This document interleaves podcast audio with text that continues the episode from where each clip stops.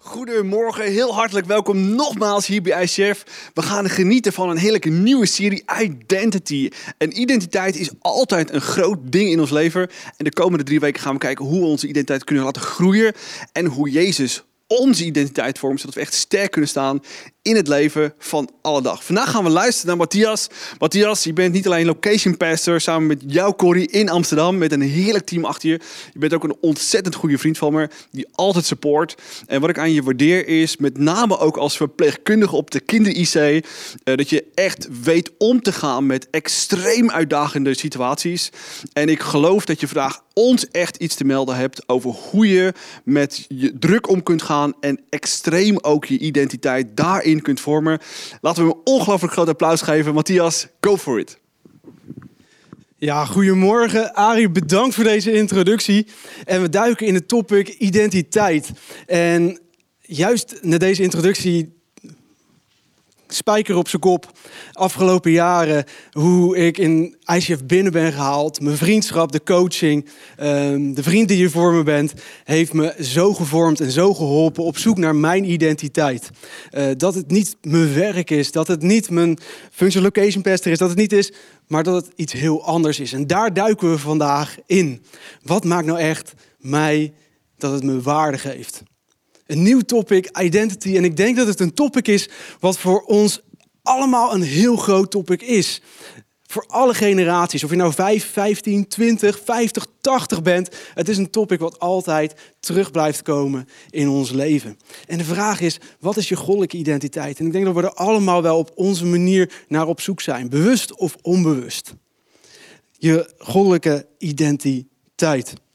En hoe blijf je overeind staan op momenten dat de druk echt heavy wordt? Hoe blijf je overeind staan als op momenten dat er keuzes worden gemaakt die invloed op jou hebben, maar waar je verder helemaal niks over te zeggen hebt? En een heel goed voorbeeld daarin, we duiken direct een voorbeeld in, zijn deze twee blikjes. Het zijn hele nice blikjes. Ze zijn precies hetzelfde, ze zien er precies hetzelfde uit.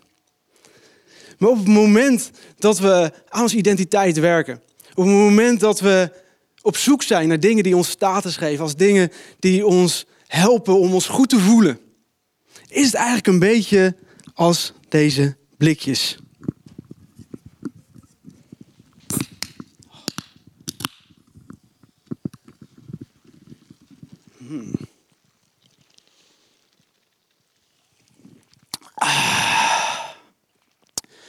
Zo nice. Zo verfrissend. Zo lekker. Het is een beetje alsof je nieuwe kleren gaat kopen. Ik ben al echt heel lang op zoek naar een nieuw jasje geweest. En afgelopen week heb ik deze hele nice leren jas gekocht. En hij past helemaal. Oh. Mm, me zo'n kick om dan zo'n jas te kopen, want hij past helemaal bij mijn identiteit. Ik draag haar zwart en dit maakt het helemaal af. En iedereen om me heen die zegt, wauw, wat zie je er nice uit, Mat. Wat zie, je, wat zie jij er goed uit. Helemaal slik in je leren jasje. Mm.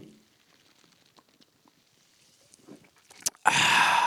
En het geeft mijn identiteit weer een nieuwe kick. Geeft mijn identiteit weer een nieuwe boost. Maar na een week heeft iedereen mijn jasje wel gezien. Heeft iedereen wel gezien hoe nice ik eruit zie. En is het nieuw er eigenlijk wel vanaf. Dus moet ik weer opnieuw gaan shoppen om ah, die kick weer te hebben. Om echt weer even dat bam gevoel te hebben. Mijn identiteit, moet je zien hoe goed ik eruit zie. Dit is wat ik uitstraal. Of je bent heel erg perfectionist. Je wil alles perfect doen. Op je aller, aller, aller, allerbest. En, en alles wat je doet. Want dat laat zien hoe goed je bent. En iedereen ziet dat van je. En dat geeft je waarde. En dat geeft je identiteit. En mm, dat geeft je een kick. En dat helpt je identiteit. Dus je moet succes hebben op succes, op succes, op succes. En opeens krijg je dat berichtje van die ene collega. Die zegt, ja, wat je nou van de week gedaan hebt, dat is, niet, mm, dat is het niet helemaal hoor.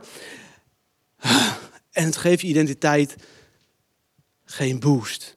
Dus je moet nog meer succes hebben. Je moet nog harder werken aan je status.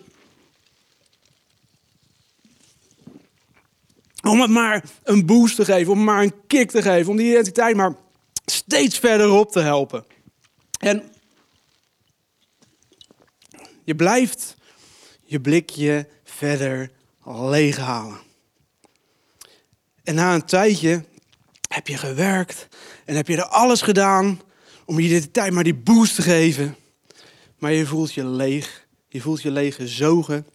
Je voelt je leeg getrokken. En het ding is, dat op het moment dat er druk in je leven komt, op het moment dat je druk in je leven ervaart, op welk vlak dan ook, op je werk, in je gezondheid, in je relaties, misschien wel in je financiën, als je die druk ervaart, wat er dan gebeurt, is dit. En het is nog steeds een blikje. Maar op het moment dat je hem naast die ander zet, is die een stuk minder nice. Ziet het er allemaal een stuk minder lekker uit. Misschien ervaar je dat juist in deze tijd, waar een virus als corona de hele wereld overspoelt. En dat je die druk ervaart op alle vlakken van je leven. En je hebt er geen grip op, maar je hebt er wel mee te maken. En je voelt je leeggetrokken, je voelt je leeggezogen. Je bent nog steeds een blikje, maar een stuk minder nice. Maar op een moment dat je je vult met Gods waarheid, met Gods liefde voor jou, met zijn goddelijke identiteit voor jou, wat gebeurt er dan? Dan maakt het niet uit hoe zwaar de druk wordt. Dan maakt het niet uit hoe zwaar de druk. 75 kilo schoon aan de haak, mensen. Het maakt niet uit hoe zwaar het wordt. Maar je kan er bovenop gaan staan. Het blikje houdt het. Je kan die druk aan. Dat is waar we vandaag naar willen kijken. Hoe kan je werken aan die goddelijke identiteit? Hoe kan je die echt naar binnen halen en weten dat je waardevol bent vanuit dat beginpunt? Tijdens deze serie gaan we drie topics langs kijken naar het verhaal van de verloren zoon. Ik wil je echt uitdagen de komende serie helemaal te volgen. Er alles uit te halen. Het echt toe te eigenen, nog beter te leren, nog beter van je te worden. Om die identiteit echt eigen te maken. Zodat je weet op de momenten dat de druk heavy wordt. Als er dingen zijn die je stress opleveren. Dat je weet wat je basis is. Wat je identiteit is. En dat je vanuit daar alles kan en mag doen. We gaan kijken naar het verhaal van de verloren zoon. En laten we daar gelijk induiken. Het verhaal van de verloren zoon. Er was een man die twee zonen had.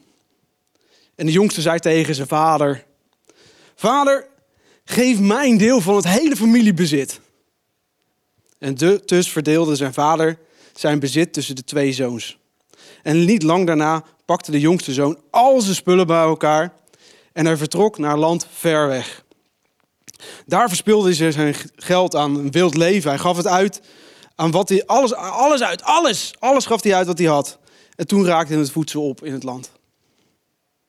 De zoon had niet langer wat hij nodig had en hij zei tegen een boer: Geef me werk, alsjeblieft. Weet je wat, laat me maar de varkens te eten geven. Alsjeblieft. De zoon wilde zelfs zijn maag vullen met het eten van de varkens, maar niemand gaf hem iets. En toen begon hij weer helder na te denken. Hoeveel van mijn vaders ingehuurde werknemers hebben meer dan genoeg te eten? En ik ga je dood van de honger? Ik vertrek. Ik ga terug naar mijn vader. En ik zal tegen hem zeggen: Vader, ik heb gezondigd tegen de hemel, tegen u. En ik ben het niet langer waard om uw zoon genoemd te worden. Laat me alsjeblieft, laat mij alsjeblieft een van uw ingehuurde werknemers zijn. Dit verhaal van de verloren zoon gaat over het zoeken naar je identiteit. En laten we direct in een stuk tekst duiken Waar we direct, wat echt vol zit met te gekke nuggets. Het zijn maar twee versen. En het is eigenlijk gestoord hoeveel te gekke nuggets er in dit ene vers zitten. Laten we er naar gaan kijken. Het is Lucas 15, vers 18 tot 19. Er staat, weet je wat? Ik ga naar mijn vader. En ik zal tegen hem zeggen, vader, ik heb gezondigd. Tegen God en tegen u. En ik ben het niet meer waard nog langer uw zoon genoemd te worden. Dit verhaal begint met een feit. Er staat, weet je wat, ik ga terug naar mijn vader. Waarom? Omdat ik gezondigd heb. Dit was een feit, dit was, een, dit was, dit was waar. En misschien herken je dat wel in je eigen leven. Dat er dingen zijn in je leven waar je niet trots op bent. Misschien ben je lui op je werk. Doe je niet meer dan nodig is en vind je het allemaal wel best. Misschien heb je wel last dat je heel ongeduldig bent. En dat je het liefst, als je niet meteen krijgt, iedereen de huid vol scheldt. Misschien verdraai je wel eens dingen een beetje de waarheid, zodat het voor jou het beste lijkt. Ik denk dat we allemaal wel vergelijkbare feiten in ons leven hebben die hierop lijken. En als het verhaal hier was gestopt, als het hier was gestopt waar de zoon dit had gezegd, had het geen big deal geweest. Maar het gaat nog verder. Hij zegt, ik ben het niet waard. Ik ben het niet waard om nog langer uw zoon genoemd te worden. En dit was geen statement van God. Dit was een statement dat hij zelf verzonnen had. Hij had zelf verzonnen dat hij, omdat hij dit had gedaan, het niet meer waard zou zijn. Als je in je leven misschien last hebt van dat je geen discipline hebt, dat je misschien ongeduldig bent, als je misschien heel trots bent, als je whatever ook in je leven hebt, en je dat lang genoeg naar kijkt in je leven en denkt na een tijdje, ik ben het niet meer waard. Uiteindelijk komen we allemaal op dat punt. In deze twee versen zijn er drie dingen die er gebeuren. Er is een feit, er is een statement die de zoon uitroept over dat feit en er is een verandering in de relatie. Deze dingen die we in ons leven hebben, uiteindelijk gaan we daar een statement over afroepen, waardoor we zeggen, ik ben het niet meer waard. Wat een effect heeft op de relatie tussen jou en tussen jouw fantastische God. En we groeien allemaal op, misschien in een cultuur waar we leren, als ik nou heel hard mijn best doe. Als ik nou heel hard mijn best doe op school, als ik nou hele goede cijfers haal, als ik nou heel aardig tegen iedereen doe, dan weet ik zeker, dan vinden mijn ouders me helemaal fantastisch. Dan zullen ze van me houden, dan zullen ze me aardig vinden. Als ik me maar goed gedraag. Maar als ik dat niet doe, als ik er een potje voor maak, als ik belabberde cijfers haal, dan vinden ze me niet meer aardig. Dan kunnen ze niet meer van me houden. En vaak gebeurt hetzelfde in onze relatie met God. We denken als ik nou heel hard werk, als ik nou ervoor zorg dat ik naar mijn small group ga, als ik er nou voor zorg dat ik mijn tiende geef, als ik er nou voor zorg dat ik mijn Bijbel lees, als ik er nou voor zorg dat ik twee keer per week naar de livestream kijk, als ik er nou voor dan moet God mij wel fantastisch vinden. Dan moet hij me echt heel veel van me houden. Dan moet hij denken, woehoe! Die kerel, dat is precies zoals ik hem wil hebben. Maar als ik dat allemaal niet doe, dan kan hij niet van me houden. Wat is jouw woord vandaag? Wat is hetgeen wat jij met je meeneemt? Heb je misschien last dat je gierig bent of niet vrijgevig bent? Heb je misschien last dat je continu tegen falen aanloopt? En ben je daar je eigen statement over aan het afroepen? Dat je het daarom niet waard bent? Want als dat gebeurt, dan gebeurt vaak ook het volgende. De boze zal komen. En de boze kent je naam. Maar hij zal je altijd noemen bij je fouten. Hij kent je naam. Hij zal je altijd noemen bij je falen. Maar God kent je falen. God kent je fouten. Maar hij zal je altijd noemen bij jouw naam. Hij zal je altijd noemen bij jouw naam. Wat je ook hebt gedaan, God zal je altijd noemen bij jouw naam. De verloren zoon komt uiteindelijk op het punt terecht waar hij bij de varkens zat. En je moet begrijpen, in de Joodse cultuur was, was dat echt, dat was rock bottom. Dieper kan je niet zinken. Een varken is onrein. En daar zat hij tussen in de modder. En hij mocht het vreten van de varkens niet eens eten. Dat was de plek waar de zoon uiteindelijk terecht was komen. Hij was overal in gefaald. Hij was niks meer waard. Hij kon alleen nog maar denken: mijn vader kan niet van me houden. Hij kan me niet goed vinden. Ik kan hier niet naar terug. Mijn vader moet me wel haten. Zo vaak hebben wij dezelfde gedachten. Dat we denken dat God niet van ons kan houden. Dat God niet van ons kan houden en dat hij ons niet meer ziet, ziet staan. Omdat we niet goed presteren. Omdat we niet doen waarvan we denken dat hij wil dat we het doen. De duivel, het boze, kent je naam, maar noemt je altijd bij je fouten en je falen. Maar God kent al je fouten en je falen, maar noemt je altijd bij jouw naam. En we hebben een unieke naam. Laten we verder kijken in het verhaal van de verloren zoon. Want de vader geeft hem daar een mantel. En die mantel verandert alles. Laten we duiken in het tweede deel. Dus de zoon stond op en ging terug naar zijn vader. En toen de zoon nog heel ver weg was, zag zijn vader hem al aankomen. Hij was vervuld met liefde voor zijn zoon. Hij rende hem op hem af. Hij gooide zijn arm om hem heen en hij kuste hem. Vader, ik heb gezondigd tegen de hemel, tegen u. Ik ben het niet langer waard om uw zoon genoemd te worden. Maar de vader zei, snel haal de allermooiste jas en doe die hem aan. Doe een ring om zijn vinger. Doe hem sandalen aan zijn voeten. Haal het vetste kalf en slacht het. Organiseer een groot diner. We gaan feest vieren. Want mijn zoon was dood en hij is nu weer levend. Hij was verloren, maar we hebben hem gevonden. En zo begonnen zij feest te vieren. Is het niet gek? De zoon was op zoek naar zijn eigen identiteit. Maar hij kwam uiteindelijk op een plek terecht waar hij het gevoel had dat hij niks meer waard was. Hij kon niet dieper zinken dan dat. En hij kon alleen nog maar denken: ik heb een restart nodig. Ik moet opnieuw beginnen. En de vader die gaat naar hem toe. En die slaat een mantel om hem heen. Die slaat een, de mooiste jas die hij had, slaat hij om hem heen. En die mantel heeft een fantastisch, fantastische betekenis. Laten we in een vers in de Bijbel duiken waar we dat kunnen lezen wat die mantel betekent. We vinden het in het volgende vers, in Jesaja 61, vers 10. Daar staat mij, laat mij u vertellen hoe gelukkig God mij heeft gemaakt. Want hij heeft mij gekleed in een gewaad, in een jas, in een mantel van hel en een mantel van gerechtigheid.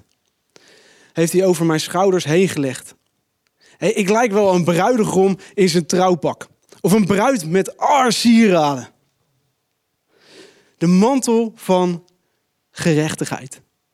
Dat is wat hij over zijn schouders heen gelegd kreeg. Die mantel legt hij over hem heen. En daarmee bedekt hij al zijn issues. Daarmee bedekt hij al zijn imperfecties. En God zegt, als ik jou zie, dan zie ik jou. Dan zie ik mijn zoon. Dan zie ik mijn dochter. Ik zie niet al die dingen die jij denkt dat je bent. En daarom leg ik die mantel over je heen, die dat bedekken. En ik zie mijn zoon, ik zie mijn dochter. En deze mantel had een heftig prijskaartje. Want voor deze mantel moest Jezus sterven aan een kruis.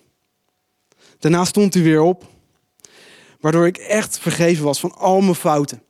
En dat maakt hem de real deal in heel mijn leven.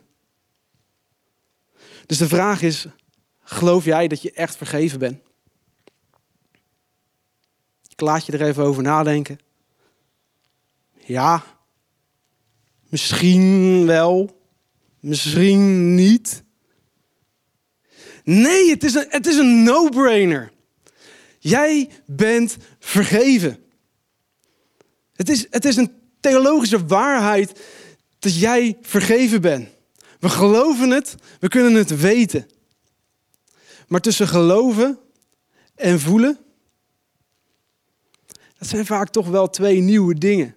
We hebben deze te gekke mantel aan, maar toch voelen we het niet altijd zo. Toch voelen we niet altijd dat we vergeven zijn. En we struggelen ons door het leven heen met alle dingen waarvan we denken dat dat ons waardig heeft.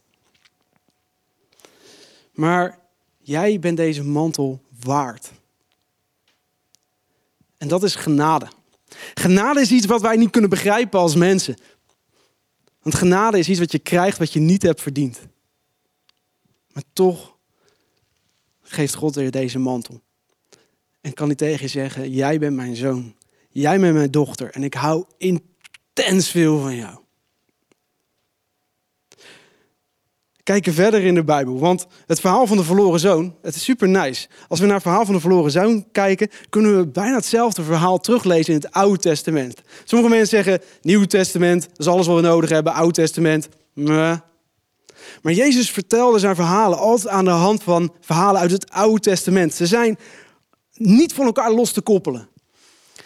We kijken naar een verhaal in Zacharia 3, vers 1 en 4. En het is niet het allermakkelijkste verhaal, maar we gaan hier samen doorheen. Lees het thuis gewoon een keer helemaal door. Dan kan je alle vergelijkingen met de verloren zoon lezen. Super cool. We kijken vanochtend eigenlijk alleen naar dit ene stukje. Daar staat: Daarna liet de engel mij de hoge, de hoge priester Jozua zien. En hij stond voor de engel van de Heer en Satan was ook aanwezig. Hij stond aan de rechts van de engel en bracht vele beschuldigingen tegen Jozua aan. Alright. Wat doet Satan hier opeens? Wat heeft hij hier te zoeken? En wat doet hij daar rechts? Waarom stond hij aan de rechterkant?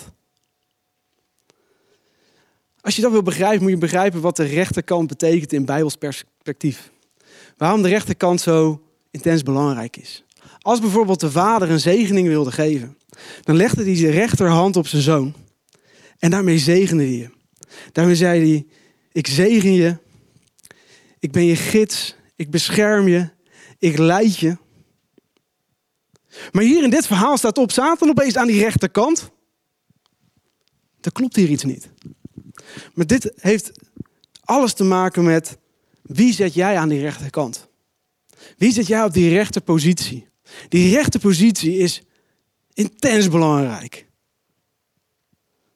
Naar welke stem wil je uiteindelijk luisteren? Is het de boze die je probeert te beschuldigen? Die je probeert te wijzen op dingen die je niet goed hebt gedaan? Of is het Jezus die zegt, ik kom voor je op. Ik vecht voor jou. Dat kunnen we lezen in het volgende vers, Romeinen 8, vers 34. Daar staat, wie zou ons kunnen veroordelen? Jezus Christus is immers voor ons gestorven. Woe, nice, ik lees hem nog een keer. Wie zou ons kunnen veroordelen? Jezus Christus is immers voor ons gestorven. Right, als je nu nog niet op je bank staat te springen, als ik hier een bank had gehad, had ik er nu op staan springen. Dus ik neem aan dat je thuis nu allemaal op je bank staat te springen. Maar er komt er nog een stuk achteraan wat nog nicer in, wat nog belangrijker is. Hij is uit de dood teruggekomen. Hij zit aan de rechterhand van God, waar hij voor ons opkomt. Waar hij voor ons opkomt, waar hij voor ons vecht, waar hij voor ons staat en zegt... Ik wil op die rechte positie staan. Waar ik altijd voor jou kan vechten, no matter what. Hij beschuldigt ons niet, hij vecht voor ons. Maar hier is vaak het probleem. We weten dat we deze als een mantel hebben. We weten dat we vergeven zijn. Maar toch voelen we ons ja, toch totaal anders. Toch denken we dat onze waarde ergens anders vandaan komt. En dat heeft alles te maken dat we een probleem hebben met die rechterkant, met die rechterpositie. Wie staat daar? Want je hebt twee opties. Of het is de boze die daar staat. Die je probeert te herinneren aan dingen die je misschien twee weken geleden, vijf jaar geleden, tien jaar geleden misschien wel gezegd hebt, die je misschien gedaan hebt. En hij probeert je eraan te herinneren en te herinneren totdat je uiteindelijk denkt, ik ben niks meer waard, ik ben een nul, ik ben een zero, het is klaar. Of Jezus staat aan die rechte positie. Die tegen je zegt, ik kom voor jou op. Ik vecht voor je. Je hebt deze te gekke mantel aan. Je bent vergeven. Ik hou van je. Wie staat er op die rechter positie? Want dat is een totaal ander verhaal. Laten we kijken naar het derde deel. Laten we kijken naar het derde deel van het verhaal van de verloren zoon. Want er was namelijk ook nog een oudere zoon. En die had eigenlijk precies hetzelfde probleem als de jongste zoon. Luister mee. De oudste zoon was in het veld. En toen hij terugkwam in het en het huis naderde, hoorde hij muziek en hij hoorde gedans. En hij vroeg zich af, wat is hier aan de hand? En hij haalde een van de dienaren erbij. Hij zei, wat is hier aan de hand? En de dienaren antwoordden dat zijn jongere broer naar huis was gekomen. Dat zijn vader het vetste kalf had geslacht. En dat hij dit allemaal had gedaan omdat zijn broer weer veilig thuis was. De oudste broer werd kwaad en hij weigerde het huis in te gaan. Zoek het maar uit. Dus kwam zijn vader naar buiten. Hij kwam naar buiten en hij smeekte hem naar binnen te komen. Maar de oudste zoon antwoordde: Al deze jaren heb ik voor u gewerkt. Als een slaaf. Ik heb al je orders opgevolgd. En je hebt me niet eens een geitje gegeven om feest te vieren met mijn vrienden. En nu komt die zoon van je thuis, nadat hij al het geld heeft verspild aan de hoeren. En u viert een feestje met hem. U slacht het lekkerste, vetste kalf voor hem. De vader zegt, zoon, kom aan, je bent altijd bij me geweest. Alles wat ik heb, het is allemaal van jou. Altijd geweest. We moeten feest vieren. We moeten blij zijn. Want je broer was dood en nu is hij weer levend. Hij was verloren, maar hij is gevonden. De oudste zoon wordt verder in de Bijbel nauwelijks nog genoemd. Misschien één of twee keer. Maar hij had precies hetzelfde probleem als de jongste. Ik heb altijd voor je gewerkt, pa. Altijd. Ik heb alles gedaan wat je zegt. Dan moet ik toch waarde hebben. Dan moet je toch van me houden. De jongste zoon denkt, als ik nu terug ga naar mijn pa en heel hard voor hem ga werken, gewoon als een van zijn werknemers, dan moet je toch wel van me houden. Dan moet ik toch wel weer mijn waarde terugkrijgen. Begrijp je het punt dat ik vandaag wil maken? Begrijp je waar we vandaag naartoe willen? We denken vaak als we heel veel presteren, als we nou heel netjes die Bijbel lezen, als we nou heel vaak naar small group gaan, als we nou heel netjes financieel investeren in onze kerk, als we nou heel veel, dan zal God wel heel veel van me houden. Dan moet het wel goed zitten. En God zegt, je begrijpt er helemaal niks van. Helemaal niks. Want ik hou van jou vanaf het allereerste begin dat je bestaat. Want jij bent mijn zoon. Jij bent mijn dochter. Zelfs als je helemaal niks doet, hou ik van jou. Ik heb een dochter van twee, bijna twee. En ze doet nooit wat in het huishouden. Ze wast nooit af. Ze poetst nooit mijn motor af. Ze kookt nooit eens een keer. Ze stofzuigt nooit. En als iemand over haar begint, man, word ik zo gelukkig.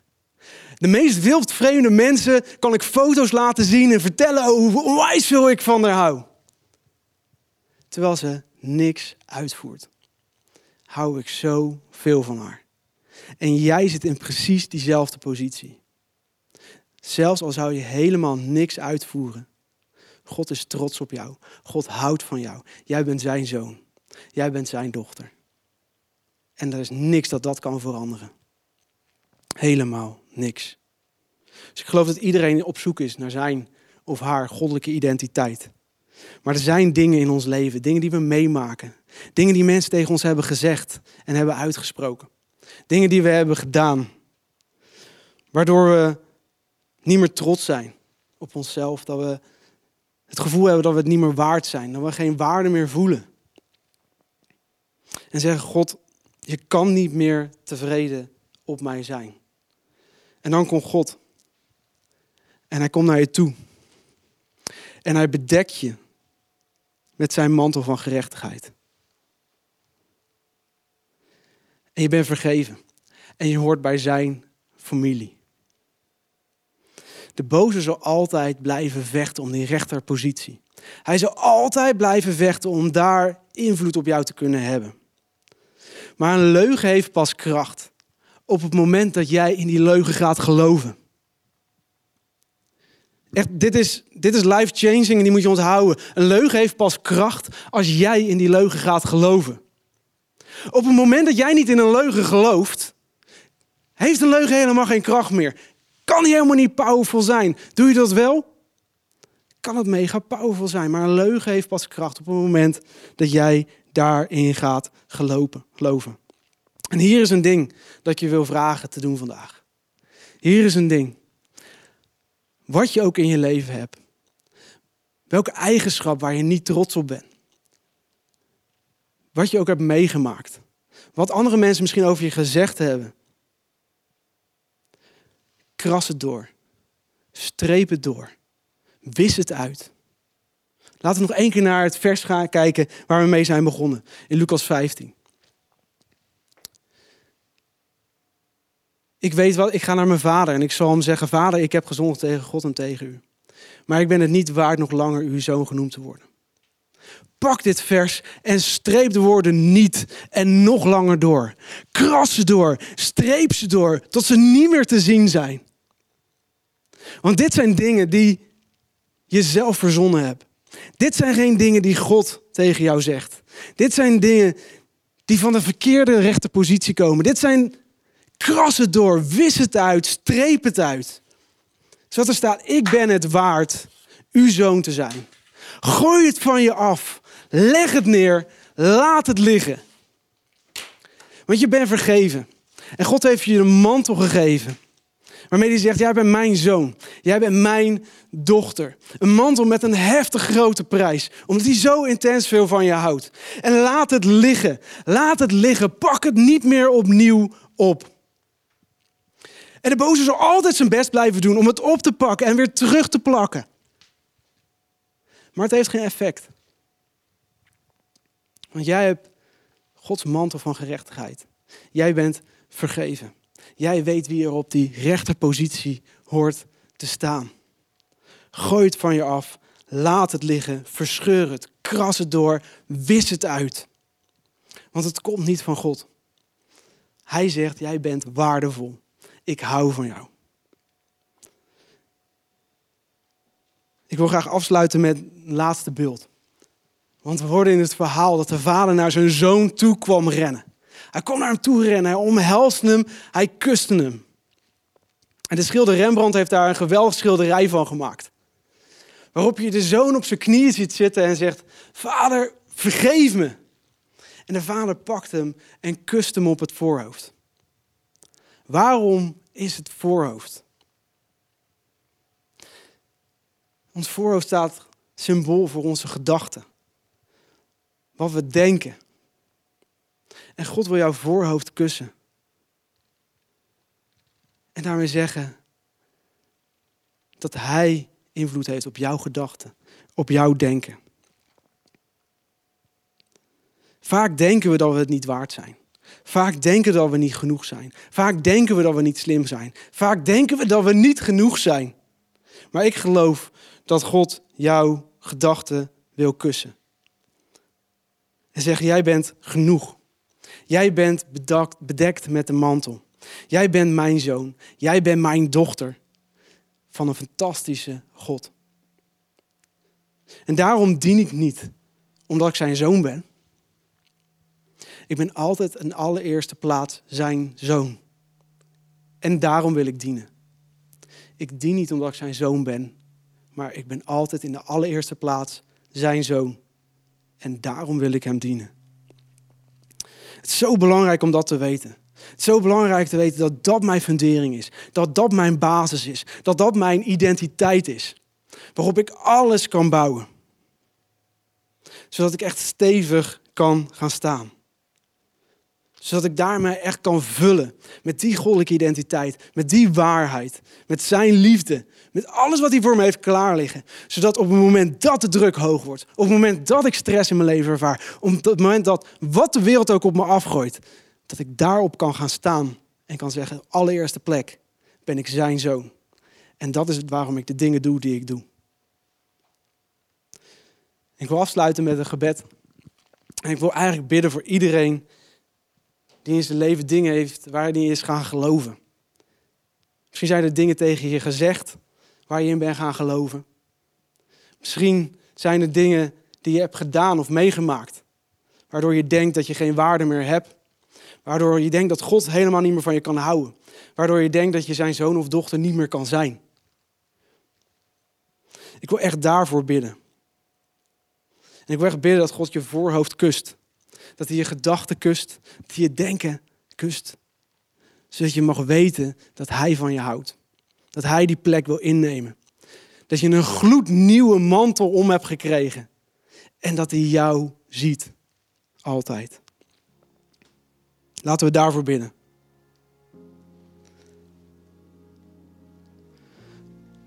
God, Vader, dank u wel dat we altijd bij u mogen komen. En er zijn dingen die ik heb gedaan, dingen die ik heb meegemaakt, dingen die ben gaan geloven, die niet waar zijn. En ik wil u vragen, wilt u mij vergeven? En ik weet dat u op het moment dat ik daarom vraag, mij een gloednieuwe mantel om zal doen. God doet jou een gloednieuwe mantel op van gerechtigheid. Omdat jij bent vergeven. Waarmee hij zegt, jij bent mijn zoon. Jij bent mijn dochter. En misschien heb jij dingen in je leven meegemaakt. Misschien nog maar kort geleden, misschien al heel lang geleden, die uiteindelijk je hebben doen geloven dat je het niet waard bent. Wat een effect heeft gebracht op hoe je handelt, hoe je denkt, hoe je emoties zijn, hoe je hart is. En ik wil je echt vragen, kras het door. Op dit moment kras het door. Wis het uit. Delete het. Gooi het weg. Gooi het van je af. Want het is niet wat God van jou zegt. Het is niet wie Hij zegt dat jij bent. Jezus wil echt vragen om u op de rechte positie te hebben staan. Omdat u altijd voor me vecht. Omdat u altijd voor me opkomt. Dus wat je ook op dit moment met je meedraagt. Wat effect heeft op jouw gedachten. Wat effect heeft op jouw hart. Wat effect heeft op jouw emoties en je denken. Op dit moment wil God een arm om je heen slaan. Hij wil je kussen. Hij wil je denken veranderen. Hij wil je emoties veranderen. Omdat hij van je houdt. Omdat jij zijn zoon bent. Omdat jij zijn dochter bent. Dank u wel, Vader, voor het geweldige geschenk. Dank u wel dat u voor mij houdt op het moment dat ik deze, een voetstap op deze wereld heb gezet. En dat ook al zou ik helemaal niks doen, u nog steeds intens trots op mij bent. Dat u nog steeds intens veel van mij houdt. En dat dat mijn standpunt is in alles wat ik doe. En dat ik daarop mag gaan staan. Amen. Geniet zo meteen echt van de worship. Geniet van de mantel die God om je heen slaat. En dank hem echt in de worship voor zijn geweldige liefde voor jou.